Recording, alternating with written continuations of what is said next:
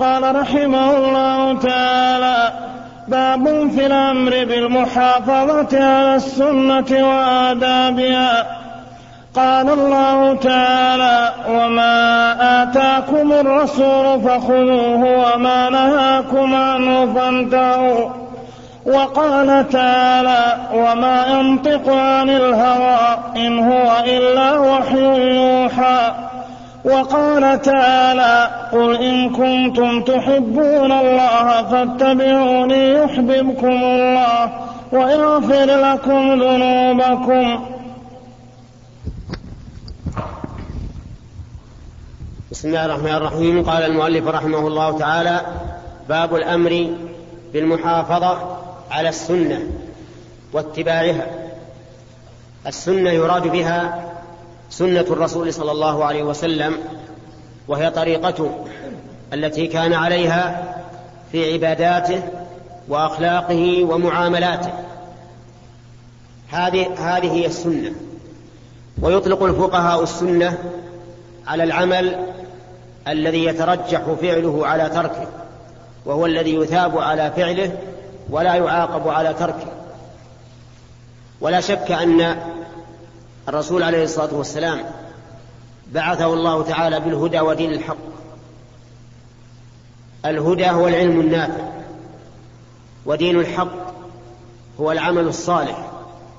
فلا بد من علم ولا بد من عمل. ولا يمكن أن يحافظ الإنسان على سنة الرسول صلى الله عليه وسلم إلا بعد أن يعلمها. وعليه فتكون فيكون الأمر بالمحافظة على السنة امرا بالعلم وطلب العلم. وطلب العلم ينقسم إلى قسمين بل إلى ثلاثة فرض عين وفرض كفاية وسنة. أما فرض العين فهو علم ما لا علم ما تتوقف العبادة عليه. يعني العلم الذي لا يسع المسلم جهله مثل العلم بالوضوء بالصلاة بالزكاة بالصيام بالحج وما أشبه ذلك. فالذي لا يسع المسلم جهله تعلمه فرض عين. ولهذا مثلا نوجب على هذا الشخص أن يتعلم أحكام الزكاة لأنه ذو مال. ولا نوجب على الآخر أن يتعلم الزكاة لأنه ليس ذا مال. كذلك الحج نوجب على هذا أن يتعلم أحكام الحج لأنه سوف يحج. ولا نوجب على الآخر أن يتعلمها لأنه ليس بحاج. أما فرض, فرض الكفاية فهو العلم الذي تحفظ به الشريعة. يعني هو العلم الذي لو ترك لضاعت الشريعة. فهذا فرض كفاية. إذا قام به من يكفي سقط عن الباقي. فإذا قدر أن واحدا من ال... أن واحدا في البلد قد قام بالواجب في هذا الأمر وتعلم وصار يفتي ويدرس ويعلم الناس صار طلب العلم في حق غيره سنة وهو القسم الثالث. إذا طالب العلم يدور أجره بين أجر السنة وأجر فرض الكفاية وأجر فرض العين. والمهم أنه لا يمكن المحافظ على السنة وآدابها إلا بعد معرفة السنة وآدابها. ثم ذكر المؤلف آيات من كتاب الله عز وجل منها قوله تعالى قل إن كنتم تحبون الله فاتبعوني يحببكم الله. هذه الآية يسميها بعض العلماء آية المحنة أي آية الامتحان. لأن الله تعالى امتحن قوما ادعوا أنهم يحبون الله. قالوا نحن نحب الله دعوة يسيرة لكن على المدعي البينة. قال الله تعالى قل إن كنتم تحبون الله فاتبعوني. فمن ادعى محبة الله وهو لا يتبع الرسول عليه الصلاة والسلام فليس صادقا بل هو كاذب. فعلامة محبة الله سبحانه وتعالى أن تتبع رسوله صلى الله عليه وسلم واعلم أنه بقدر تخلفك عن متابعة الرسول يكون نقص محبتك لله. ثم ما الجواب؟ لما قال قل إن كنتم تحبون الله فاتبعوني الجواب يحببكم الله. وهذه الثمرة. الثمرة أن الله يحبك. لا أن تدعي محبة الله. فإذا أحبك الله فإنه لن يحبك إلا وأنت أتيت ما يحب. وهذه هي الثمرة. فليس الشأن أن يقول القائل أنا أحب الله ولكن الشأن كل الشأن أن يكون الله عز وجل يحبه. نسأل الله أن يجعلني وإياكم من أحبابه. هذا هو الشأن. وإذا أحب الله الشخص يسر له أمور دينه ودنياه. نادى ورد في الأثر أن الله إذا أحب شخصا نادى جبريل إني أحب فلانا فأحبه فيحبه جبريل. ثم ينادي في أهل السماوات إن الله يحب فلانا فأحبوه. فيحبه أهل السماوات. ثم يوضع له القبول في الأرض فيحبه أهل الأرض ويقبلونه ويكون إماما لهم. إذن محبة الله الغاية ولكنها غاية لمن؟ غاية لمن كان يتبع الرسول صلى الله عليه وسلم. أليس كذلك؟ نعم. غاية لمن كان يحب الرسول صلى الله عليه وسلم. من أحب نعم غاية لمن يتبع الرسول صلى الله عليه وسلم فمن اتبع الرسول صلى الله عليه وسلم أحبه الله. ويأتي بقية الكلام على إن شاء الله. بسم الله الرحمن الرحيم. الحمد لله رب العالمين والصلاة والسلام على نبينا محمد وعلى آله وصحبه أجمعين. قال المؤلف رحمه الله تعالى باب في الأمر بالمحافظة على السنة وآدابها. قال الله تعالى وما آتاكم الرسول فخذوه وما نهاكم عنه فانتهوا. وقال تعالى وما ينطق عن الهوى إن هو إلا وحي يوحى. وقال تعالى قل إن كنتم تحبون الله فاتبعوني فاتبعوني يحببكم الله ويغفر لكم ذنوبكم. وقال تعالى لقد كان لكم في رسول الله أسوة حسنة لمن كان يرجو الله واليوم الآخر. وقال تعالى فلا وربك لا يؤمنون حتى يحكموك فيما شجر بينهم ثم لا يجدوا في أن ثم لا يجدوا في أنفسهم حرجا مما قضيت ويسلموا تسليما. قال المؤلف رحمه الله تعالى باب الحث على اتباع السنة وآدابها.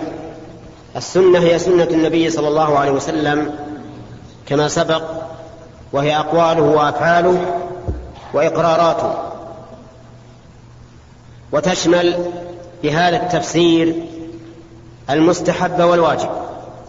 ثم ساق المؤلف آيات منها قوله تعالى وما آتاكم الرسول فخذوه وما نهاكم عنه فانتهوا. وهذه الآية في سياق قسمة الفيء يعني المال الذي يؤخذ من الكفار. يقول الله عز وجل ما آتاكم الرسول يعني ما أعطاكم من المال فخذوه. ولا تردوه. وما نهاكم عنه فانتهوا ولا تأخذوه.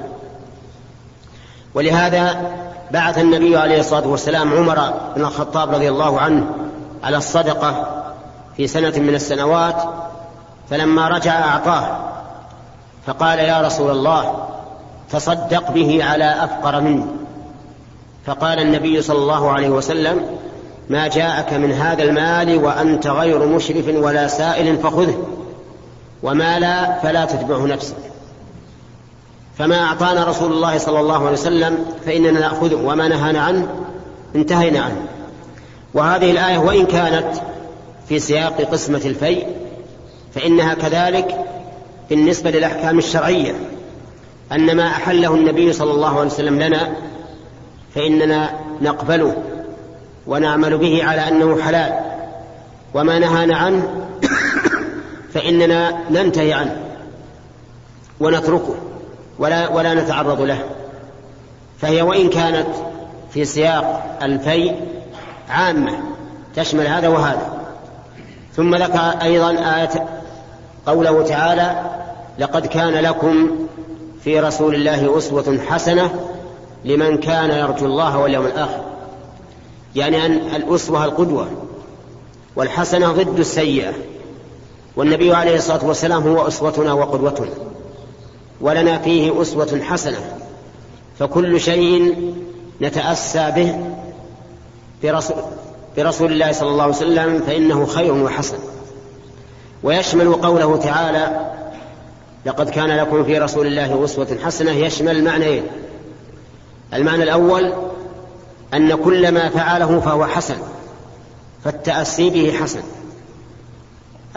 الثاني أننا مأمورون بأن نتأسى به أسوة حسنة.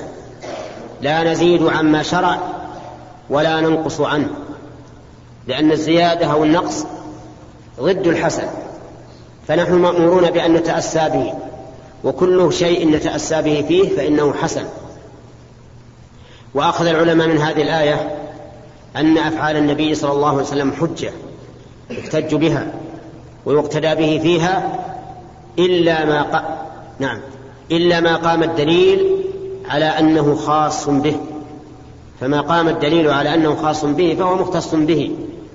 مثل قوله تعالى يا أيها النبي إنا أحللنا لك أزواجك اللاتي آتيت أجورهن وما ملكت يمينك مما أفاء الله عليك. إلى أن قال وامرأة مؤمنة إن وهبت نفسها للنبي إن أراد النبي أن يستنكحها خالصة لك من دون المؤمنين. فما كان من خصائصه فهو من خصائصه ومن ذلك أيضا الوصال في الصوم. يعني أن أن يسرد الإنسان صوم يومين بلا فطر. فإن النبي صلى الله عليه وسلم نهى عنه.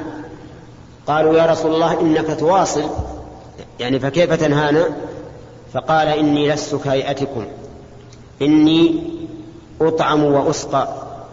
وفي لفظ إني أبيت عند ربي يطعمني ويسقين يعني يطعمه الله ويسقيه بما يمده به من ذكره وتعلق قلبه به حتى ينسى الأكل والشرب ولا يهمه. ونحن نعلم الآن أن الرجل لو شغل بأمر من أمور الدنيا نسي الأكل والشرب. حتى أن الشعراء يتمثلون بهذا. يقول لها أحاديث من ذكراك تشغلها عن الشراب وتلهيها عن الزاد. يعني أن أحاديثها بك إذا قامت تتحدث ألهاها عن الشراب وعن الزاد. فالنبي عليه الصلاة والسلام لقوة تعلقه بربه إذا قام من الليل يتهجد فإن الله تعالى يعطيه قوة بما يحصل له من الذكر تكفيه عن الأكل والشرب. أما نحن فلسنا كهيئته ولهذا منع الوصال وبين أنه من من خصائصه صلى الله عليه وسلم. وذكر المؤلف أيضا قوله تعالى فلا وربك لا يؤمنون حتى يحكموك فيما شجر بينهم. إلى آخر الآية وسنتكلم عنها إن شاء الله في الدرس القادم لأنها مهمة وفيها فوائد عظيمة. والله نقل المؤلف رحمه الله تعالى في سياق ذكر الآيات في باب الأمر بالمحافظة على السنة. وقال تعالى فلا وربك لا يؤمنون حتى يحكموك فيما شجر بينهم ثم لا يجدوا في أنفسهم حرجا مما قضيت ويسلموا تسليما. قال المؤلف رحمه الله تعالى فيما ساقه من الآيات الدالة على المحافظة على السنة وآدابها. فلا قوله تعالى فلا وربك لا يؤمنون حتى يحكموك فيما شجر بينهم ثم لا يجدوا في أنفسهم حرجا مما قضيت ويسلموا تسليما. هذه الآية, هذه الآية لها صلة بما قبلها وهي قوله تعالى يا أيها الذين آمنوا أطيعوا الله وأطيعوا الرسول وأولي الأمر منكم فإن تنازعتم في شيء فردوه إلى الله والرسول إن كنتم تؤمنون بالله واليوم الآخر ذلك خير وأحسن تأويلا. فأمر الله تعالى بطاعته وبطاعة رسوله وأولي الأمر منا. وأولو الأمر يشمل العلماء والأمراء لأن العلماء ولاة أمورنا في بيان دين الله والأمراء ولاة أمورنا في تنفيذ شريعة الله. ولا يستقيم العلماء إلا بالأمراء ولا الأمراء إلا بالعلماء. فالأمراء عليهم أن يرجعوا إلى العلماء ليستبينوا منهم شريعة الله. والعلماء عليهم أن ينصحوا الأمراء وأن يخوفوهم بالله. وأن يعظوهم حتى يطبقوا شريعة الله في عباد الله عز وجل. ثم قال فإن تنازعتم في شيء فردوه إلى الله والرسول.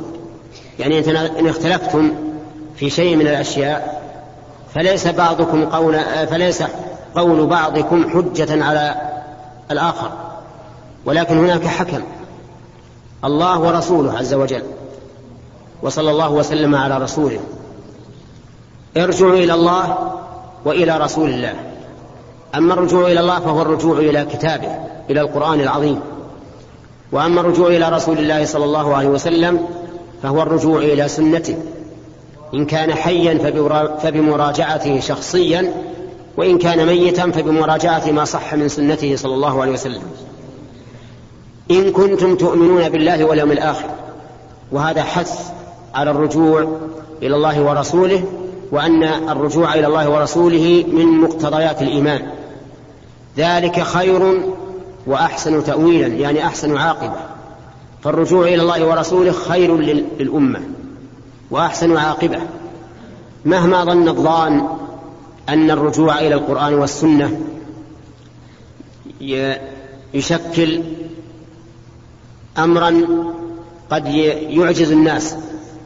يعني بعض الناس أعني أن بعض الناس يظنون أن الرجوع إلى الإسلام الإسلام الذي كان في صدر هذه الأمة لا يتناسب مع الوقت الحاضر والعياذ بالله ولم يعلموا أن الإسلام حاكم وليس محكوما عليه وأن الإسلام لا يتغير باختلاف الأزمان أو الأماكن أو الأشخاص الإسلام هو الإسلام. فإن كنا نؤمن بالله واليوم الآخر فلنرجع إلى الكتاب والسنة وذلك خير وأحسن تأويلا أي أحسن مآلا وعاقبة. ثم قال تعالى ألم تر إلى الذين يزعمون أنهم آمنوا بما أنزل إليك وما أنزل من قبلك؟ يريدون أن يتحاكموا إلى الطاغوت وقد أمروا أن يكفروا به. يعني الاستفهام من التعجيب يعني ألا تتعجب من قوم يزعمون أنهم آمنوا بما أنزل إليك وما أنزل من قبلك؟ ولكنهم لا يريدون التحاكم إلى الله ورسوله. إنما يريدون أن يتحاكموا إلى الطاغوت وهو كل ما خالف شريعة الله. ومن ذلك هؤلاء القوم الذين ابتلى الله بهم المسلمين من بعض الحكام الذين يريدون أن يرجعوا في الحكم بين الناس إلى ما إلى قوانين ضالة بعيدة عن الشريعة. وضعها فلان وفلان من كفار لا يعلمون عن الإسلام شيئا وهم أيضا في عصر قد تختلف العصور عنه وفي أمة قد تختلف عنها الأمم الأخرى. لكن مع الأسف أن بعض الذين استعمرهم الكفار من البلاد الإسلامية أخذوا هذه القوانين وصاروا يطبقونها على الشعب الإسلامي غير مبالين بامتعاض الشعب منها وغير مبالين بمخالفتها لكتاب الله وسنة رسوله وهم يزعمون أنهم آمنوا بالله ورسوله. كيف ذلك؟ وهم يريدون أن يتحكموا إلى الطاغوت وقد أمروا أن يكفروا به أمروا أمرا من الله أن يكفروا بالطاغوت ومع ذلك يريدون أن يكون التحاكم إلى الطاغوت. ويريد الشيطان أن يضلهم ضلالا بعيدا. يريد الشيطان أن يضلهم عن دين الله. ضلالا بعيدا ليس قريبا لأن من حكم غير شريعة الله فقد ضل أعظم الضلال وأبعد الضلال. قال الله عز وجل وإذا قيل لهم تعالوا إلى ما أنزل الله وإلى الرسول رأيت المنافقين يصدون عنك صدودا قلت تعالوا إلى ما أنزل الله وهو القرآن وإلى الرسول رأيت رأيت المنافقين يصدون عنك صدودا ولم يقل رأيتهم لأجل أن يبين أن هؤلاء منافقون. فأظهر في موضع الإضمار لهذه الفائدة ولأجل أن يشمل هؤلاء وغيرهم من المنافقين فإن المنافق والعياذ بالله إذا دعي إلى الله ورسوله أعرض وصد. رأيت المنافقين يصدون عنك صدودا فكيف إذا أصابتهم مصيبة بما قدمت أيديهم ثم جاءوك يحلفون بالله إن أردنا إلا إحسانا وتوفيقا؟ يعني كيف حالهم إذا أصابتهم مصيبة وعثر على عوراتهم واطلع عليها ثم جاءوك يحلفون بالله وهم كاذبون إن أردنا إلا إحسانا وتوفيقا. يعني ما أردنا إلا الإحسان والتوفيق بين الشريعة وبين القوانين الوضعية. ولا يمكن أن يكون هناك توفيق بين حكم الله وحكم الطاغوت أبدا. حكم الطاغوت لو فرض أنه وافق حكم الله لكان حكما لله لا للطاغوت. ولهذا ما في القوانين الوضعية من المسائل النافعة فإنها قد سبق إليها الشرع الإسلامي. ولهذا قال أولئك الذين يعلم الله ما في قلوبهم فأعرض عنهم وعظهم وقل لهم في أنفسهم قولا بليغا. يعني هؤلاء هم الذين يعلم الله ما في قلوبهم وإن أظهروا للناس أنهم يؤمنون بالله وأنهم يريدون الإحسان والتوفيق بين الأدلة بين الأحكام الشرعية والأحكام القانونية هؤلاء هم الذين يعلم الله ما في قلوبهم وماذا أرادوا لأمتهم فأعرض عنهم وهذا الأمر بالإعراض عنهم تهديدا لهم وعظهم وقل لهم في أنفسهم قولا بليغا أي قل لهم قولا بليغا يبلغ إلى أنفسهم ليتعظوا به. ثم قال وما أرسلنا من رسول إلا ليطاع بإذن الله. يعني ما أرسلنا الرسل لتقرأ أقوالهم ويتركون بل ما أرسلت الرسل إلا ليطاعوا وإلا فلا فائدة. لا فائدة من أن نقول إن الرسول إذا بلغ وتركنا ما بلغ إن هناك فائدة للرسالة. الرسالة معناها ومقتضاها أن الرسول يطاع وما أرسلنا من رسول إلا ليطاع بإذن الله. ولو أنهم إذ ظلموا أنفسهم جاءوك فاستغفروا الله واستغفر لهم الرسول لوجدوا الله توابا رحيما. يعني لأنهم إذ ظلموا أنفسهم بما أضمروا في نفوسهم من الباطل جاءوك. فاستغفروا الله يعني طلبوا من الله المغفرة. واستغفرت لهم أنت لوجدوا الله توابا رحيما. ولكنهم والعياذ بالله بقوا على نفاقهم وعلى عنادهم. وهذه الآية استدل بها دعاة القبور. الذين يدعون القبور ويستغفرونها. قالوا لأن الله قال لنبيه عليه الصلاة والسلام ولو أنهم إذ ظلموا أنفسهم جاءوك فاستغفروا الله واستغفر لهم الرسول لوجدوا الله توابا رحيما. فأنت إذا أذنبت فاذهب إلى قبر النبي عليه الصلاة والسلام واستغفر الله ليستغفر لك الرسول. ولكن هؤلاء ضلوا ضلالا بعيدا لأن الآية صريحة. قال إذ ظلموا أنفسهم ولم يقل إذا ظلموا أنفسهم. جاءوك فهي تتحدث عن شيء مضى وانقضى. يقول لو أنهم إذ ظلموا أنفسهم بما أحدثوا ثم جاءوك في حياتك واستغفر واستغفروا الله واستغفر لهم الرسول لوجدوا الله توابا رحيما. أما بعد موت الرسول عليه الصلاة والسلام فهذا لا يمكن أن يستغفر الرسول لأحد. انقطع عمله. كما قال النبي عليه الصلاة والسلام إذا مات الإنسان انقطع عمله إلا من ثلاثة إلا من صدقة جارية أو علم ينتفع به أو ولد صالح يدعو له فعمل النبي نفسه فعمل النبي نفسه بعد موته لا يمكن.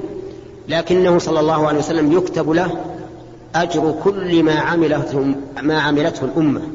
كل ما عملنا من خير وعمل صالح من فرائض ونوافل فإنه يكتب أجره للرسول عليه الصلاة والسلام. لأنه هو الذي علمنا. فهو دا فهذا داخل في قوله أو علم ينتفع به. الحاصل أنه لا دلالة في هذه الآية على ما زعمه هؤلاء الداعون هؤلاء الداعون لقبر النبي عليه الصلاة والسلام. ثم قال فلا وربك لا يؤمنون. ونتكلم عليه إن شاء الله في الدرس القادم. نقل المؤلف رحمه الله تعالى في سياق ذكر الآيات في باب الأمر بالمحافظة على السنة. وقال تعالى فلا وربك لا يؤمنون حتى يحكموك فيما شجر بينهم ثم لا يجدوا في أنفسهم حرجا مما قضيت ويسلموا تسليما. الرحيم. ذكر المؤلف رحمه الله في باب المحافظة على في باب الأمر بالمحافظة على السنة وآدابها. ذكر آيات متعددة منها قوله تعالى فلا وربك لا يؤمنون حتى يحكموك فيما شجر بينهم ثم لا يجدوا في أنفسهم حرجا مما قضيت ويسلموا تسليما. هذه الآية ذكرها الله عز وجل عقب قوله تعالى وما أرسلنا من رسول إلا ليطاع بإذن الله ولو أنهم إذ ظلموا أنفسهم جاءوك فاستغفروا الله واستغفر لهم الرسول لوجدوا الله توابا رحيما. فلا وربك لا يؤمنون. وهذه الآية فيها إقسام. إقسام من الله عز وجل بربوبيته لمحمد صلى الله عليه وسلم. الدالة على عنايته به صلى الله عليه وسلم عناية خاصة. وذلك لأن الربوبية هنا ربوبية خاصة. فلله عز وجل على خلقه ربوبيتان. ربوبية عامة لكل أحد. مثل قوله تعالى الحمد لله رب العالمين. وربوبية خاصة لمن اختصه من عباده. مثل هذه الآية فلا وربك لا يؤمنون حتى يحكموك فيما شجر بينهم. وقد اجتمع النوعان في قوله تعالى عن سحرة آل فرعون. قالوا آمنا برب العالمين رب موسى وهارون. فرب العالمين عامة. رب موسى وهارون خاصة. والربوبية الخاصة تقتضي عناية خاصة من الله عز وجل. فأقسم الله سبحانه وبحمده بربوبيته لعبده محمد صلى الله عليه وسلم قسما مؤكدا بلا فلا وربك. وهذه لا يراد بها التوكيد. ولو قال فوربك لا يؤمنون لتم الكلام لكنه أتى بلا للتوكيد كقوله تعالى لا أقسم بيوم القيامة. ليس المراد النفي أن الله لا يقسم باليوم بيوم القيامة بل المراد التأكيد فهي هنا للتوكيد والتنبيه. فلا وربك لا يؤمنون حتى يحكموك فيما شجر بينهم أي يجعلونك حكما فيما حصل بينهم من النزاع لأن معنى شجر أي حصل من النزاع حتى يجعلونك أنت الحكم فيما حصل بينهم من النزاع في أمور الدين وفي أمور الدنيا. ففي أمور الدين لو تنازع رجلان في حكم مسألة شرعية فقال أحدهما هي حرام وقال الثاني هي حلال فالتحاكم إلى الرسول عليه الصلاة والسلام. ولا يؤمن أحد منهما أي من المتشاجرين إلا إذا حكم رسول الله صلى الله عليه وسلم. ولو تنازع الناس في أمر دنيوي بينهم كما حصل بين الزبير بن العوام رضي الله عنه وبين جاره الأنصاري حين تحاكم إلى رسول الله صلى الله عليه وسلم في الماء ماء, ماء الوادي. فحكم بينهما. فهذا تحاكم في أمور الدنيا. المهم أنه لا يؤمن أحد حتى يكون تحاكمه في أمور الدين والدنيا إلى رسول الله صلى الله عليه وسلم. ثم إن الإيمان المنفي هنا. إن كان الإنسان لا يرضى بحكم الرسول صلى الله عليه وسلم مطلقا فهو نفي للإيمان من أصله. لأن من لا يرضى بحكم الرسول صلى الله عليه وسلم مطلقا كافر والعياذ بالله خارج من الإسلام. وإن كان عدم الرضا بالحكم في مسألة خاصة وعصى فيها فإنها إذا لم تكن مكفرة فإنه لا يكفر. وقوله عز وجل حتى يحكموك لو قال قائل كيف يكون تحكيم الرسول صلى الله عليه وسلم بعد موته؟ فالجواب أن نقول يكون تحكيمه بعد موته بتحكيم سنته صلى الله عليه وسلم. انتبه هذه واحدة. لا يؤمنون حتى يحكموك فيما شجر بينهم. الشيء الثاني ثم لا يجدوا في أنفسهم حرجا مما قضيت. لأن الإنسان قد يحكم الكتاب والسنة لكن يكون في صدره حرج. يعني ما يطمئن أو ما يعني يرضى إلا غصب كما يقول العامة فلا بد من أن لا يجد الإنسان في نفسه حرجا مما قضى الله ورسوله.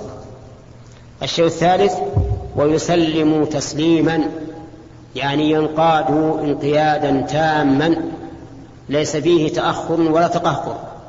فهذه شروط ثلاثة لا يتم الإيمان إلا بها. أولا تحكيم الرسول صلى الله عليه وسلم. والثاني أن لا يجد الإنسان في نفسه حرج مما قضاه. والثالث أن يسلم تسليما تاما بالغا. وبناء على هذا نقول إن الذين يحكمون القوانين الآن ويتركون وراءهم كتاب الله وسنة رسوله صلى الله عليه وسلم ما هم بمؤمنين؟ ليسوا بمؤمنين. لقوله تعالى فلا وربك لا يؤمنون حتى يحكموك فيما شجر بينهم. ولقوله ومن لم يحكم بما أنزل الله فأولئك هم الكافرون. وهؤلاء المحكمون للقوانين. ليست قضية معينة خالفوا فيها الكتاب والسنة لهوى أو لظلم ولكنهم استبدلوا الدين بهذا القانون. جعلوا هذا القانون يحل محل شريعة الله. وهذا كفر. حتى لو صاموا وصلوا وتصدقوا وحجوا فهم كفار. ما داموا عدلوا عن حكم الله وهم يعلمون بحكم الله إلى هذه القوانين المخالفة لحكم الله. فلا وربك لا يؤمنون حتى يحكموك فيما شجر بينهم ثم لا يجدوا في أنفسهم حرجا مما قضيت ويسلموا تسليما. ولا تستغرب إذا قلنا إن من استبدل شريعة الله بغيرها من القوانين لا تستغرب إذا قلنا إنه يكفر ولو صام وصلى لأن الكفر ببعض الكتاب كفر بالكتاب كله. الشرع لا يتبعض. إما أن تؤمن به جميعا وإما أن تكفر به جميعا وإذا آمنت ببعض وكفرت ببعض فأنت كافر بالجميع. لأن حالك. تقول إنك لا تؤمن إلا بما لا يخالف هواك. وأما ما خالف هواك فلا تؤمن به هذا هذا هو الكفر. اتبعت الهوى واتخذت إلهك واتخذت هواك إلها. فالحاصل المسألة خطيرة جدا. المسألة من أخطر ما يكون بالنسبة لحكام المسلمين اليوم. فإنهم قد وضعوا قوانين تخالف الشريعة وهم يعرفون الشريعة ولكن وضعوها والعياذ بالله تبعا لأعداء الله من الكفرة. الذين سنوا هذه القوانين ومشى الناس عليها. والعجب أنه لقصور علم هؤلاء وضعف دينهم أنهم يعلمون أن واضع القانون هو فلان بن فلان من الكفار. في عصر قد قد اختلفت العصور عنه من مئات السنين. ثم هو في مكان يختلف عن مكان الأمة الإسلامية. ثم هو في شعب يختلف عن شعب الأمة الإسلامية. ومع ذلك يفرضون هذه القوانين على الأمة الإسلامية ولا يعدونها إلى كتاب الله ولا إلى سنة رسول الله صلى الله عليه وسلم. أين الإسلام؟ أين الإيمان؟ أين التصديق برسالة محمد صلى الله عليه وسلم وأنه رسول إلى الناس كافة؟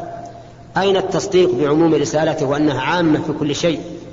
كثير من الجهلة يظنون أن الشريعة خاصة في العبادة التي بينك وبين الله عز وجل فقط أو في الأحوال الشخصية من نكاح وميراث وشبه. ولكنهم أخطأوا في هذا الظن. الشريعة عامة في كل شيء. وإذا شئت أن يتبين لك هذا فاسأل ما هي أطول آية في كتاب الله. سيقول لك أطول آية. آية الدين. يا أيها الذين آمنوا إذا تدينتم كلها في المعاملات. كلها في المعاملات. كيف نقول, أن الشرع الإسلامي خاص بالعبادة أو بالأحوال الشخصية؟ هذا جهل وضلال. إن كان عن عمد فهو عناد واستكبار وإن كان عن جهل فهو قصور. والواجب أن يتعلم الإنسان ويعرف. نسأل الله لنا ولهم الهداية. المهم أن الإنسان لا يمكن أن يؤمن إلا بثلاثة شروط إلا بثلاثة شروط. الأول تحكيم النبي صلى الله عليه وسلم والثاني أن لا يجد في صدره حرج ولا يضيق صدره بما قضى به الرسول عليه الصلاة والسلام والثالث أن يسلم تسليما. إنقاذ انقيادا تاما فبهذه الشروط الثلاثة يكون مؤمنا. وإن لم تتم فإنه إما خال من الإيمان مطلقا وإما ناقص الإيمان. والله موفق.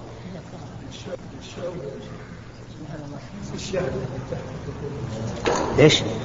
الشعوب تحت الحكومة الشعب ما عليه. أقول الشعب إذا صار تحت تحت ولاية ما, ما تحكم الكتاب والسنة عليه أن يصبر ويسأل الله الفرج. قال الله تعالى من يطع الرسول فقد أطاع الله وقال تعالى وإنك لتهدي إلى صراط مستقيم صراط الله وقال تعالى فليحذر الذين يخالفون عن أمره أن تصيبهم فتنة أو يصيبهم عذاب أليم. وقال تعالى واذكرن ما يتلى في بيوتكن من آيات الله والحكمة والآيات في الباب كثيرة. بسم الله الرحمن الرحيم. قال المؤلف رحمه الله تعالى في سياق الآيات في باب الأمر بالمحافظة على السنة وآدابها. قال ومن يطع الله ومن من يطع الرسول فقد أطاع الله. من يطع, من يطع الرسول محمدا صلى الله عليه وسلم فقد أطاع الله. والطاعة موافقة الأمر.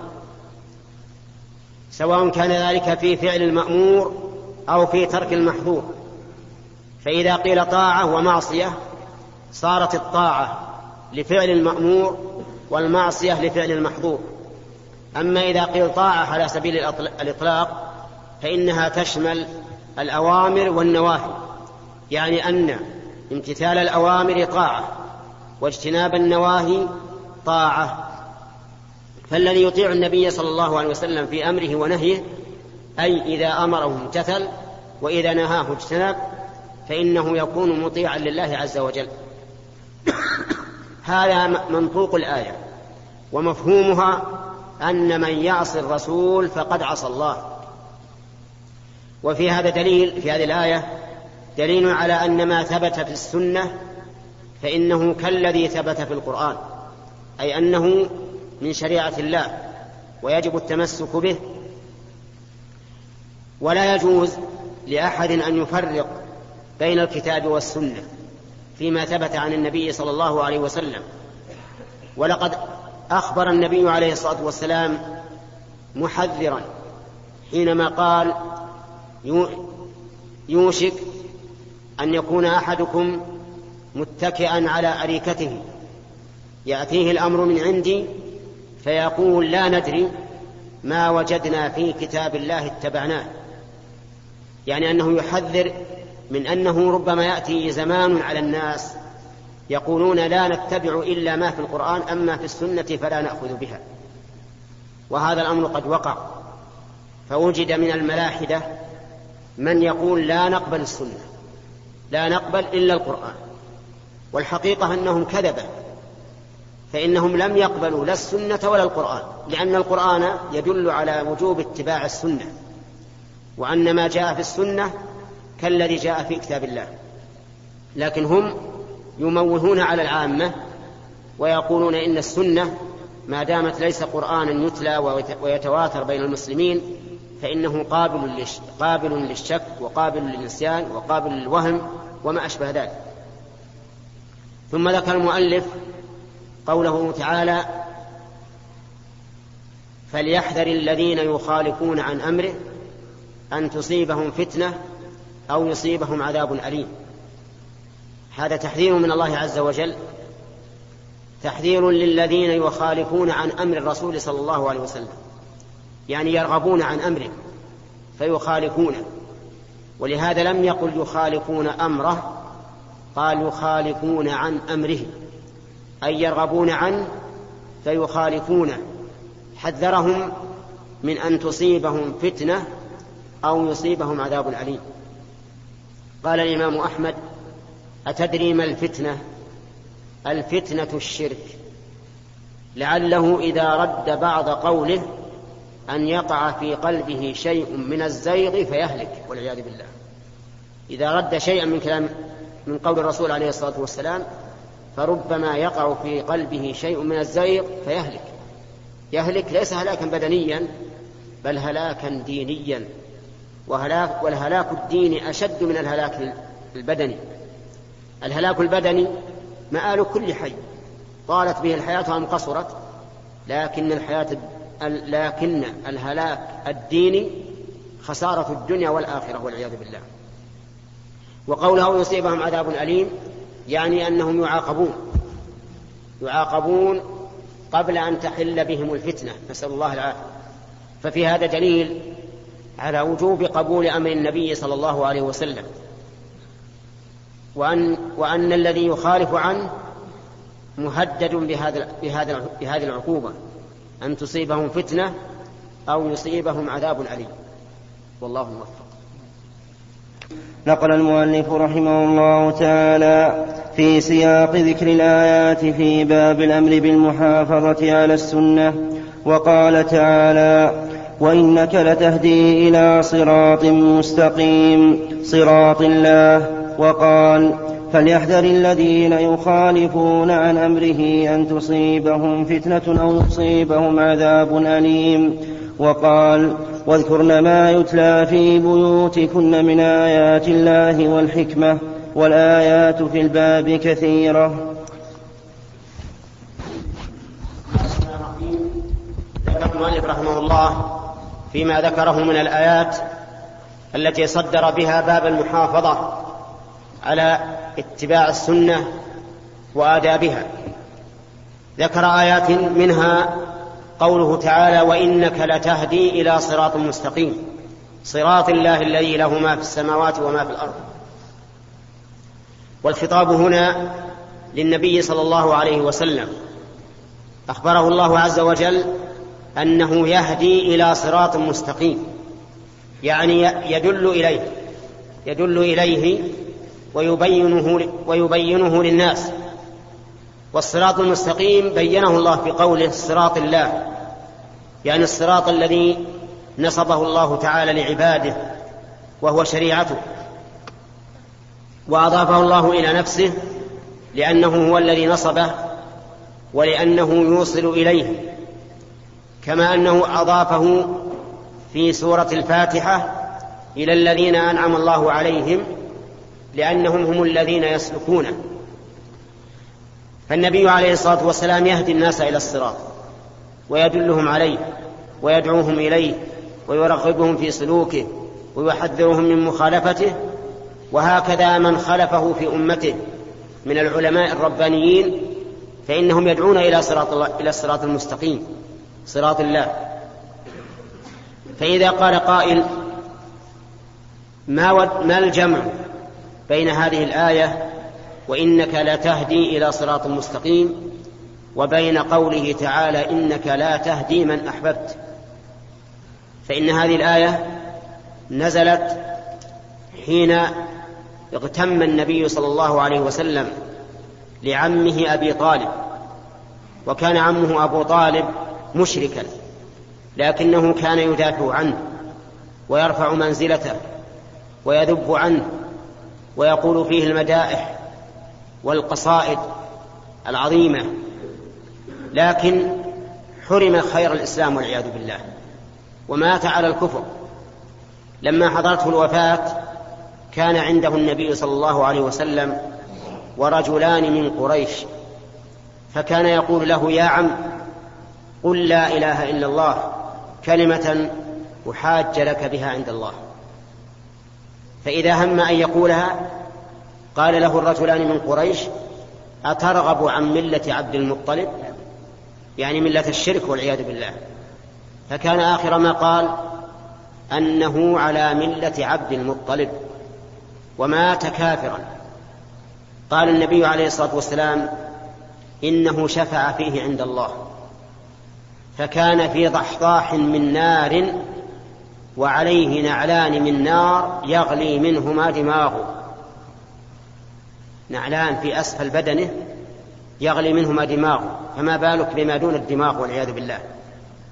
قال وإنه لأهون أهل النار عذابا. ولولا أنا يقوله النبي صلى الله عليه وسلم لكان في الدرك الأسفل من النار. يعني لو لولا شفاعتي فيه لأنه ذب عن دين الإسلام وحمى النبي صلى الله عليه وسلم لكان في الدرك الأسفل من النار. فهنا يقول إنك لا تهدي من أحببت. وفي الآية التي ذكرها المؤلف يقول إنك لتهدي إلى صراط مستقيم. قال أهل العلم.